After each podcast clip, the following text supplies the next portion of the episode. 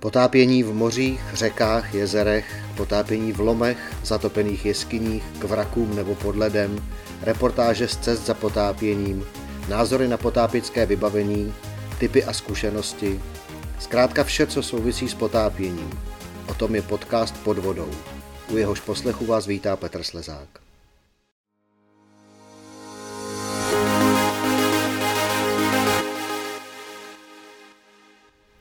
Jmenuji se Petr Slezák, jsem instruktorem potápění a majitelem potápěckého centra Capr Divers. V této úvodní epizodě budu sám, ačkoliv ve většině dalších dílů budu mít nějakého zajímavého hosta. Dnes vám řeknu jenom pár slov. Pár slov o svém potápickém příběhu, který začal 25 let zpátky. Je to dlouhá doba a tak doufám, že bude o čem vyprávět. Dnes se vám chci jenom představit a nastínit vám, o čem potápěcký podcast pod vodou bude. Dnes jsem instruktor, trenér technického potápění ve výcvikovém systému PADY a instruktorem pro jeskyní potápění a rebrísry, tedy přístroje s uzavřeným dýchacím okruhem ve výcvikovém systému ASTD. Za ty roky jsem vyškolil více než tisícovku potápěčů na všech možných úrovních. Začalo to dávno, začalo to před 25 lety. To číslo mě dnes přijde hrozné, ale vlastně na druhou stranu nádherné. To, že jsem už téměř čtvrt století mohl dělat práci, kterou mám tak rád, je skvělé. Jak to všechno začalo před těmi 25 lety?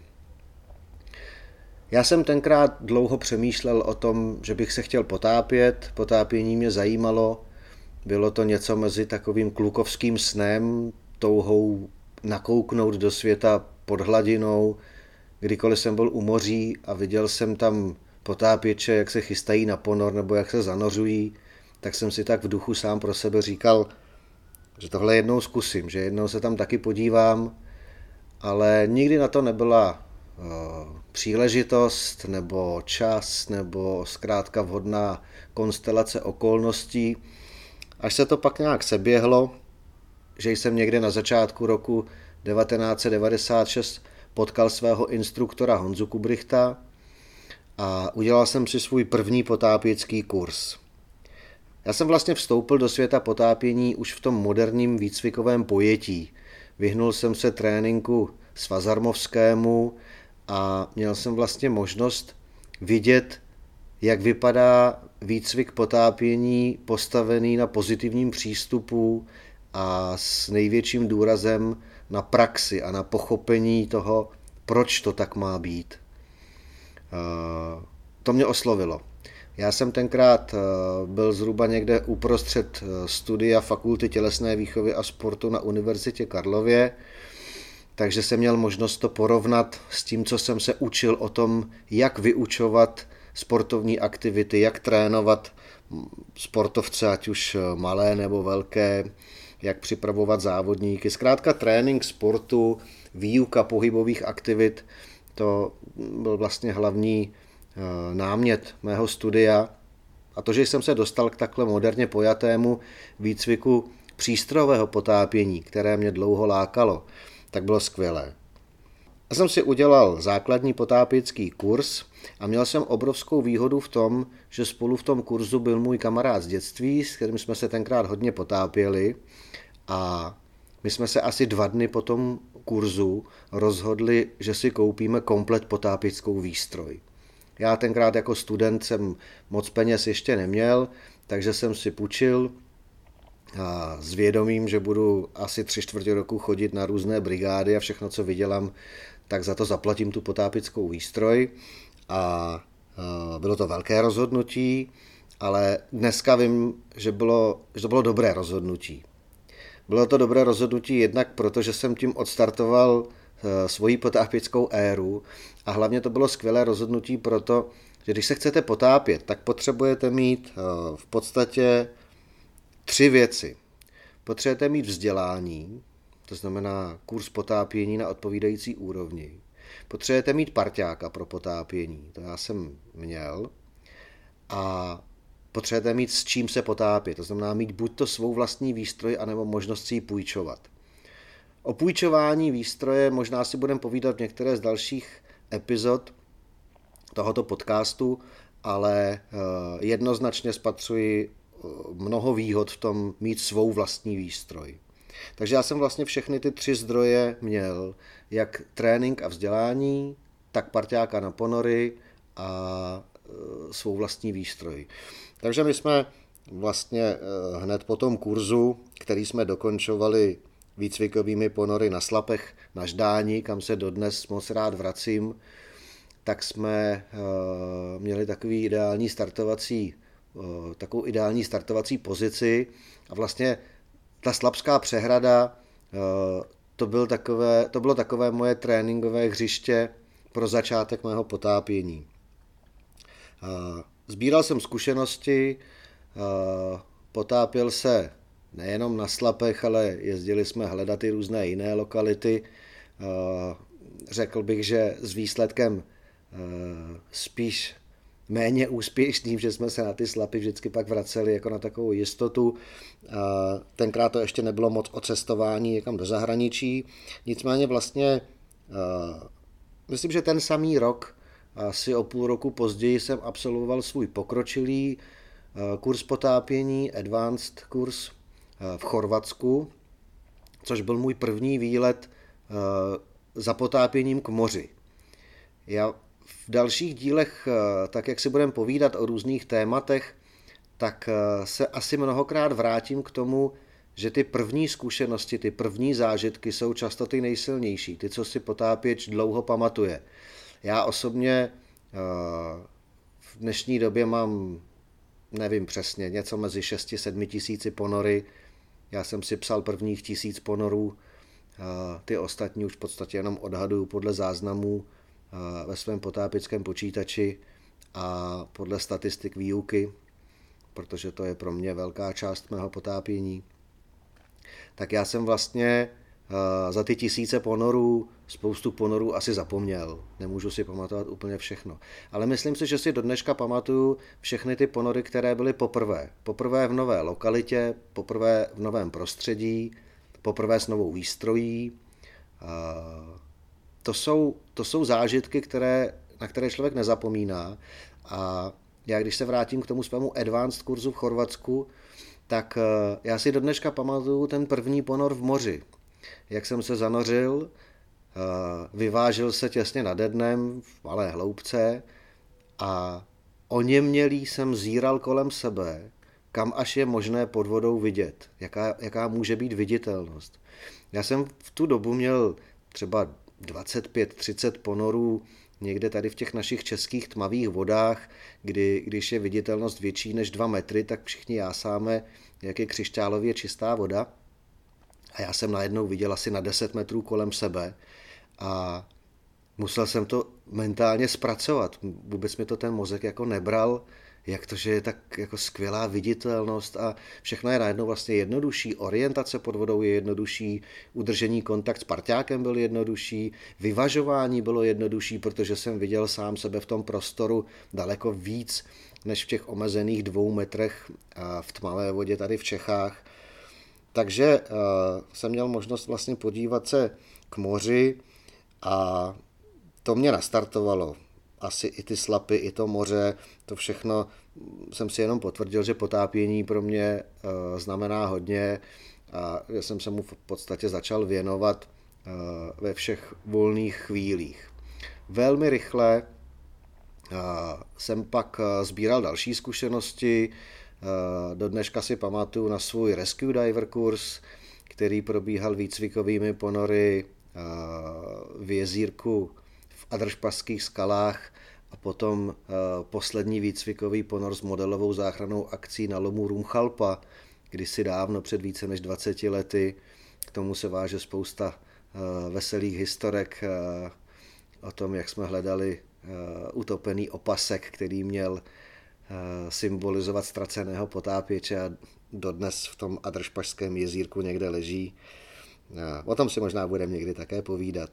No zkrátka, Eh, během asi dvou a půl let jsem nazbíral mnoho zkušeností, víc než stovku ponorů, eh, zkušenosti s potápěním v suchém obleku A co bylo pro mě klíčové, tak jsem měl vlastně možnost Honzovi asistovat při jeho výcviku. Nejdřív jen tak neformálně, protože mě to prostě bavilo, byla to pro mě příležitost, jak být pod vodou a e, vlastně jsem se díval, jak Honza učí, díval jsem se znovu zpátky na e, výcvik základního kurzu, měl jsem možnost asistovat mnohokrát při různých pokročilých kurzech, takže e, dneska to vidím asi jako přirozený vývoj, tenkrát mě ta věta poměrně překvapila, když mi jednoho dne Honza řekl větu, Myslím, že jsi připraven na instruktorské zkoušky. Já jsem nebyl mentálně připraven ani na instruktorský kurz, na tož na instruktorské zkoušky. Nicméně jsem se nějakým způsobem s tou myšlenkou srovnal. Bylo to v roce 1998. Já jsem tou dobou vlastně končil studium na vysoké škole. Měl jsem státnice, do toho už jsme tak nějak začínali v potápění pracovat nebo podnikat, k tomu se za malou chvíli dostanu.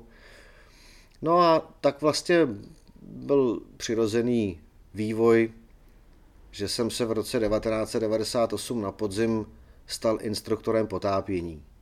Stát se instruktorem potápění není o tom, že se dneska rozhodnete a zítra jdete k nějakým zkouškám, někdo vám dá papír nebo kartičku o tom, že jste instruktor potápění. V podstatě tomu předchází dlouholetý trénink, aby vůbec člověk se mohl přihlásit do kurzu pro instruktory, což je v PADY systému velmi intenzivní, téměř dvoutýdenní program, kdy od rána do večera probíráte techniky výuky, metodiku výuky, výuky správnou didaktiku, a samozřejmě jste pod vodou. Jste pod vodou, modelujete se svými spolužáky výuku a zejména modelujete prevenci a řešení nouzových situací. O tom je to vlastně hodně.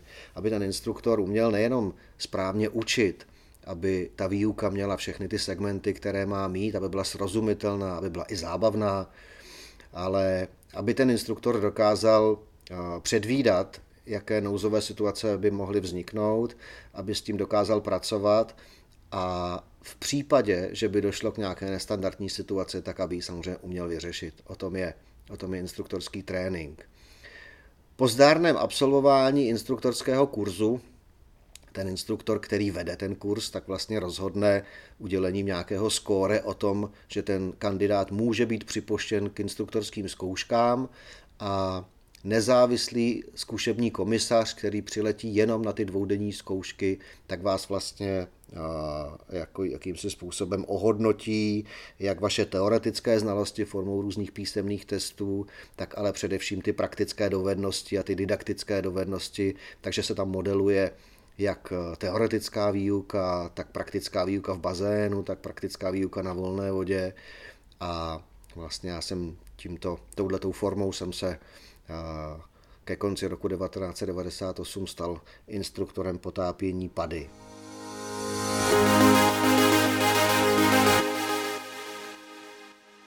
Byl to rok 1998, nicméně už o rok dříve, v roce 1997, my jsme vlastně uh, založili potápěcké centrum Copper Divers.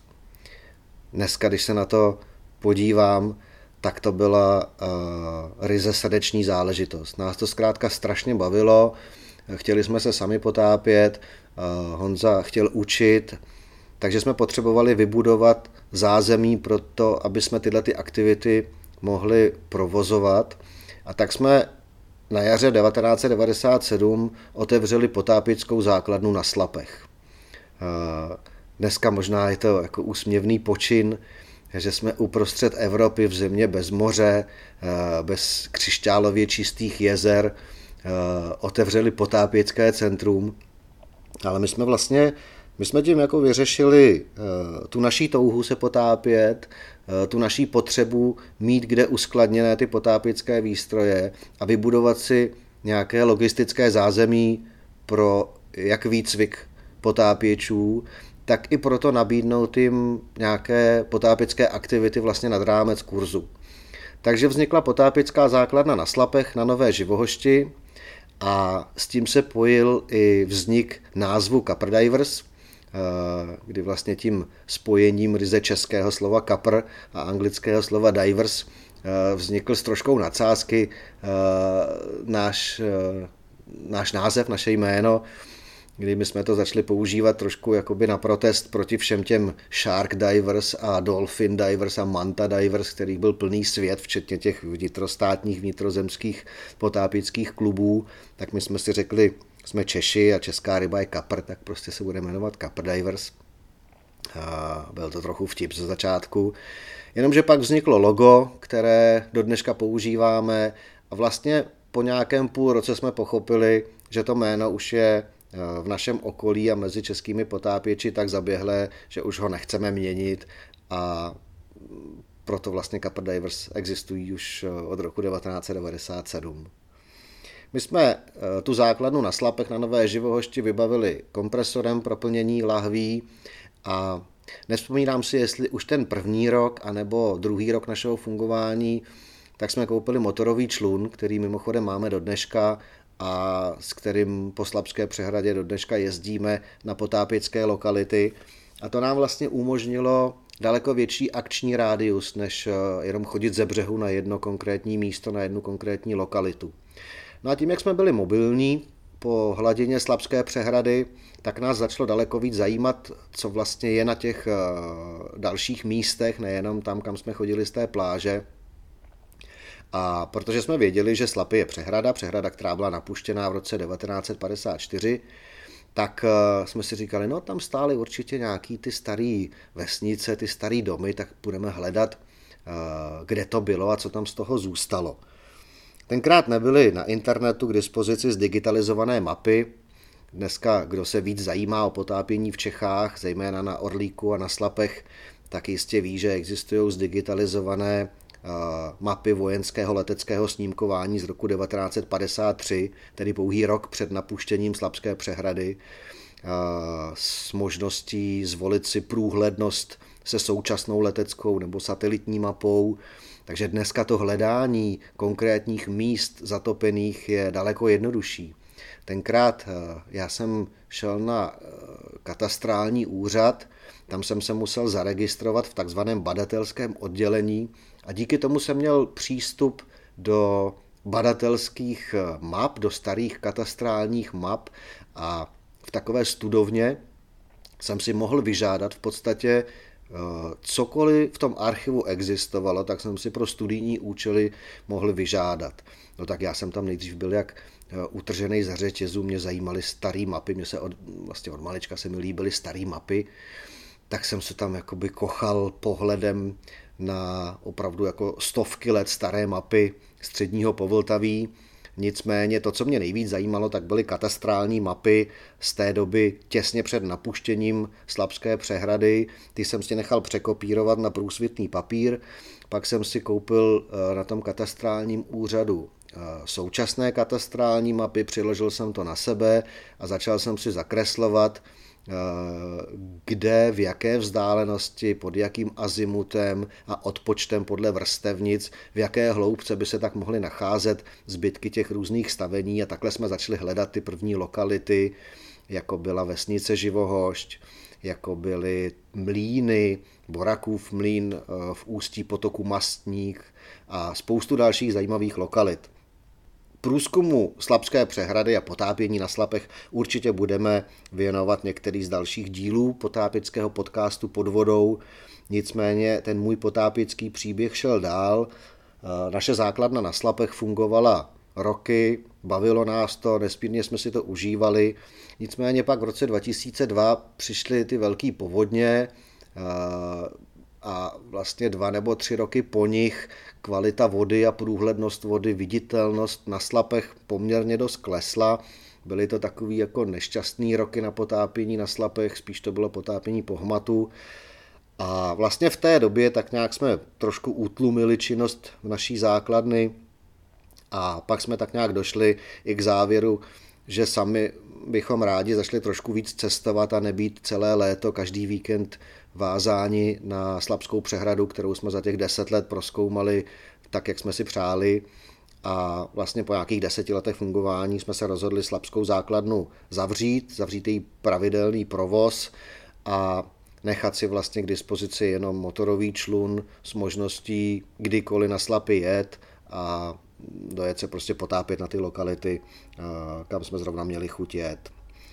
Takže já jsem začal víc cestovat, do dneška si pamatuju, jak jsem mluvil před chvilkou o těch prvních ponorech, do dneška si pamatuju svůj první ponor v Rudém moři, kam jsem se podíval poprvé v říjnu 1998, kdy jsme letěli do Sharm el Sheikhu přes Káhiru, protože tenkrát ještě čártrový lety žádný nelítali napřímo.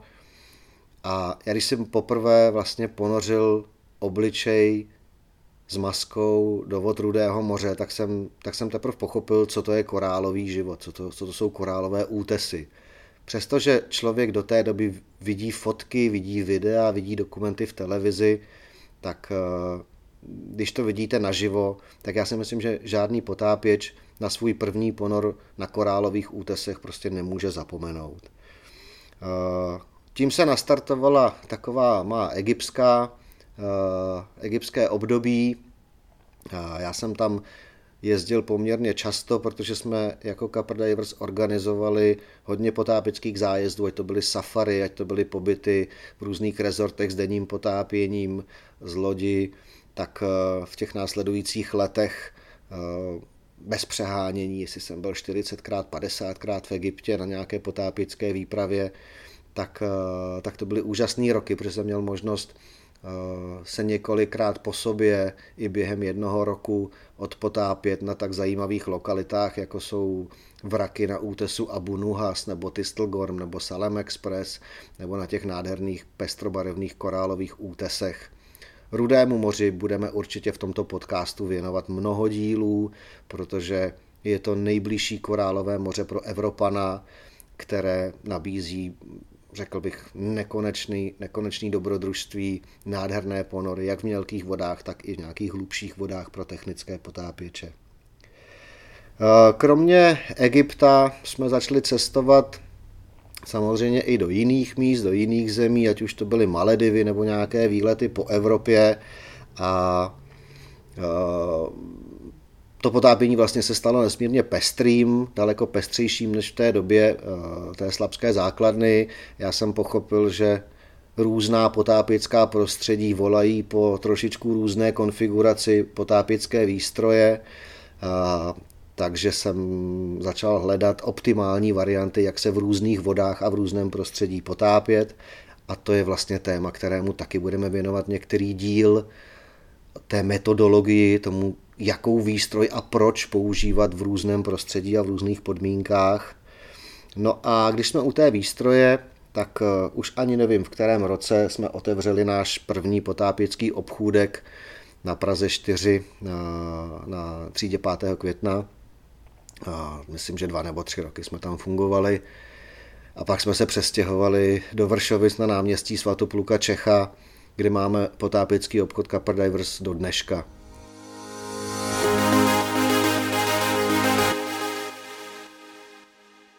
S tou chutí víc cestovat eh, přišly i další výzvy. My jsme v roce 2004 eh, se rozhodli, že natočíme dokument, potápický dokument o vraku lodi Rozálie Moller. O tom určitě taky nějaký díl eh, tohoto podcastu natočíme protože to, byl, to bylo takové naše rozhodnutí, kdy jsme s kamarádem Michalem Kubátem, který tenkrát eh, se hodně věnoval natáčení pod vodou, tak jsme se rozhodli, že zkusíme natočit potápěcký dokument. Rozálie Molar nám přišla zajímavá, zajímavá taková výzva, protože je to v podstatě sestarská loď Tistelgormu. Bohužel není tak atraktivní svým nákladem, protože jediné, co má ve všech eh, nákladových prostorech, tak je kvalitní velšské uhlí takže koukat na hromady šutrů v nákladových prostorech je samozřejmě něco méně zajímavé, než koukat na to úžasné eh, vojenské muzeum, které je v útrobách Tistelgormu. Nicméně uh, Rozálie Moller byla skvělou příležitostí, jak si vyzkoušet, jak já jsem si vyzkoušel, zorganizovat, zrealizovat, natočit a pak zprodukovat vlastně vznik nějakého potápického dokumentu, Dneska ho máme dostupný v našem YouTube kanále, odvysílala ho česká televize kdysi dávno v několika reprízách. A ten dokument získali nějaká mezinárodní ocenění na filmových festivalech věnujících se potápěckým filmům nebo outdoorovým filmům, takže to, to byla taková naše radost. Následně jsme potom dva roky na to natočili dokument Ledový příliv v severním Rusku v Bílém moři v zimě při potápění pod ledem a tím vlastně začala moje láska k potápění ve studené vodě a k cestování do arktických končin. To celé dobrodružství v Bílém moři nebo celé dobrodružství cestování do Ruska začalo úplně nevinně, kdy mě jednou telefonoval pán, který mluvil česky s ruským přízvukem, že je potápět, že žije v Čechách a že by se chtěl naučit potápět v suchém obleku, jestli mu to mohu zprostředkovat nebo zařídit. Tak jsem mu samozřejmě řekl, že ano, udělali jsme kurz potápění v suchém obleku a já, když jsem se ho v průběhu toho kurzu ptal vlastně na jeho motivaci, co je tím důvodem, proč, proč se chce potápět v suchém obleku, tak on mi řekl, že má možnost jet se potápět na sever Ruska do Bílého moře. Já tenkrát, aniž bych tušil, kde Bílé moře leží, tak jsem mu na to odpověděl, no to je skvělý, to já pojedu s tebou. No jo, jenže on se ozval asi za půl roku a říkal, no tak pojedeme na to Bílé moře. Já už jsem to předjednal, tady máš kontakty, tak to tam domluv a nejlepší sezóna přelom února, března, tak pojedeme. No tak já jsem se zhluboka nadechl, vydechl a řekl jsem si, to je teda výzva. Já už se roky potápím, ale eh, přestože jsem se tady v Čechách potápil pod ledem v té době už mnohokrát, tak eh, jet se potápět pod zamrzlé moře někam na sever Ruska, kde jsem v životě nebyl, tak eh, to, to byla výzva, to se mi hrozně líbilo. Tak my jsme to asi čtyři nebo pět měsíců připravovali, ladili jsme výstroj, domlouvali jsme, jak vlastně na to, jakou logistiku zvolit. Absolutně jsme nedůvěřovali nějakým místním zdrojům, takže jsme se rozhodli, že pojedeme auty, všechno si tam odvezeme, včetně lahví, měli jsme sebou pily, sekery, kdyby nám přes cestu padly stromy, protože jedeme do pustiny někde na severu Ruska daleko. No zkrátka dali jsme dohromady pětičlený tým a vyrazili jsme na eh, první Copper Divers výpravu za potápěním pod ledem v Bílém moři. Eh, to je, to je zlomový moment v mém potápění, vůbec vlastně v Copper Divers výpravách, protože jak už jsem zmínil před chvilkou, to nastartovalo moji vášeň pro studenou vodu, moji lásku k severu, k severní Evropě, k arktickým končinám a těm budeme v tomto podcastu, v potápickém podcastu pod vodou věnovat nejeden díl.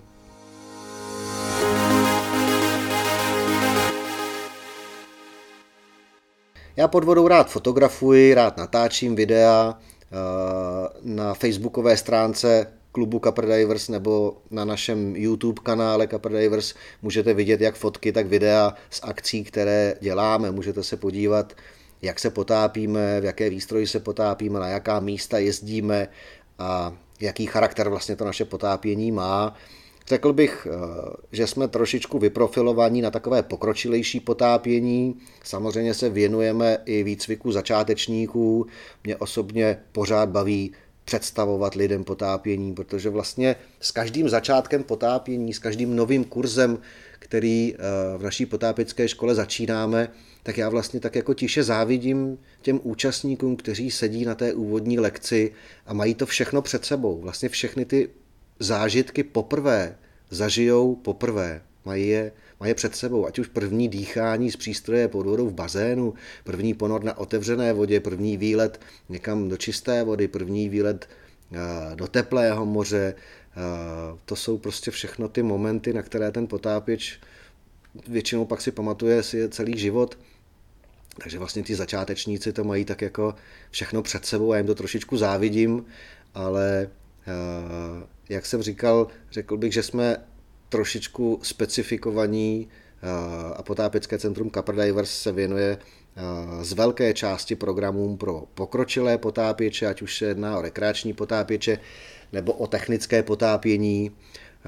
Jaký je rozdíl mezi rekreačním a technickým potápěním, to je jistě zajímavé téma a myslím, že nejeden díl tohoto podcastu bude právě o specificích rekreačního nebo technického potápění i o jejich porovnání.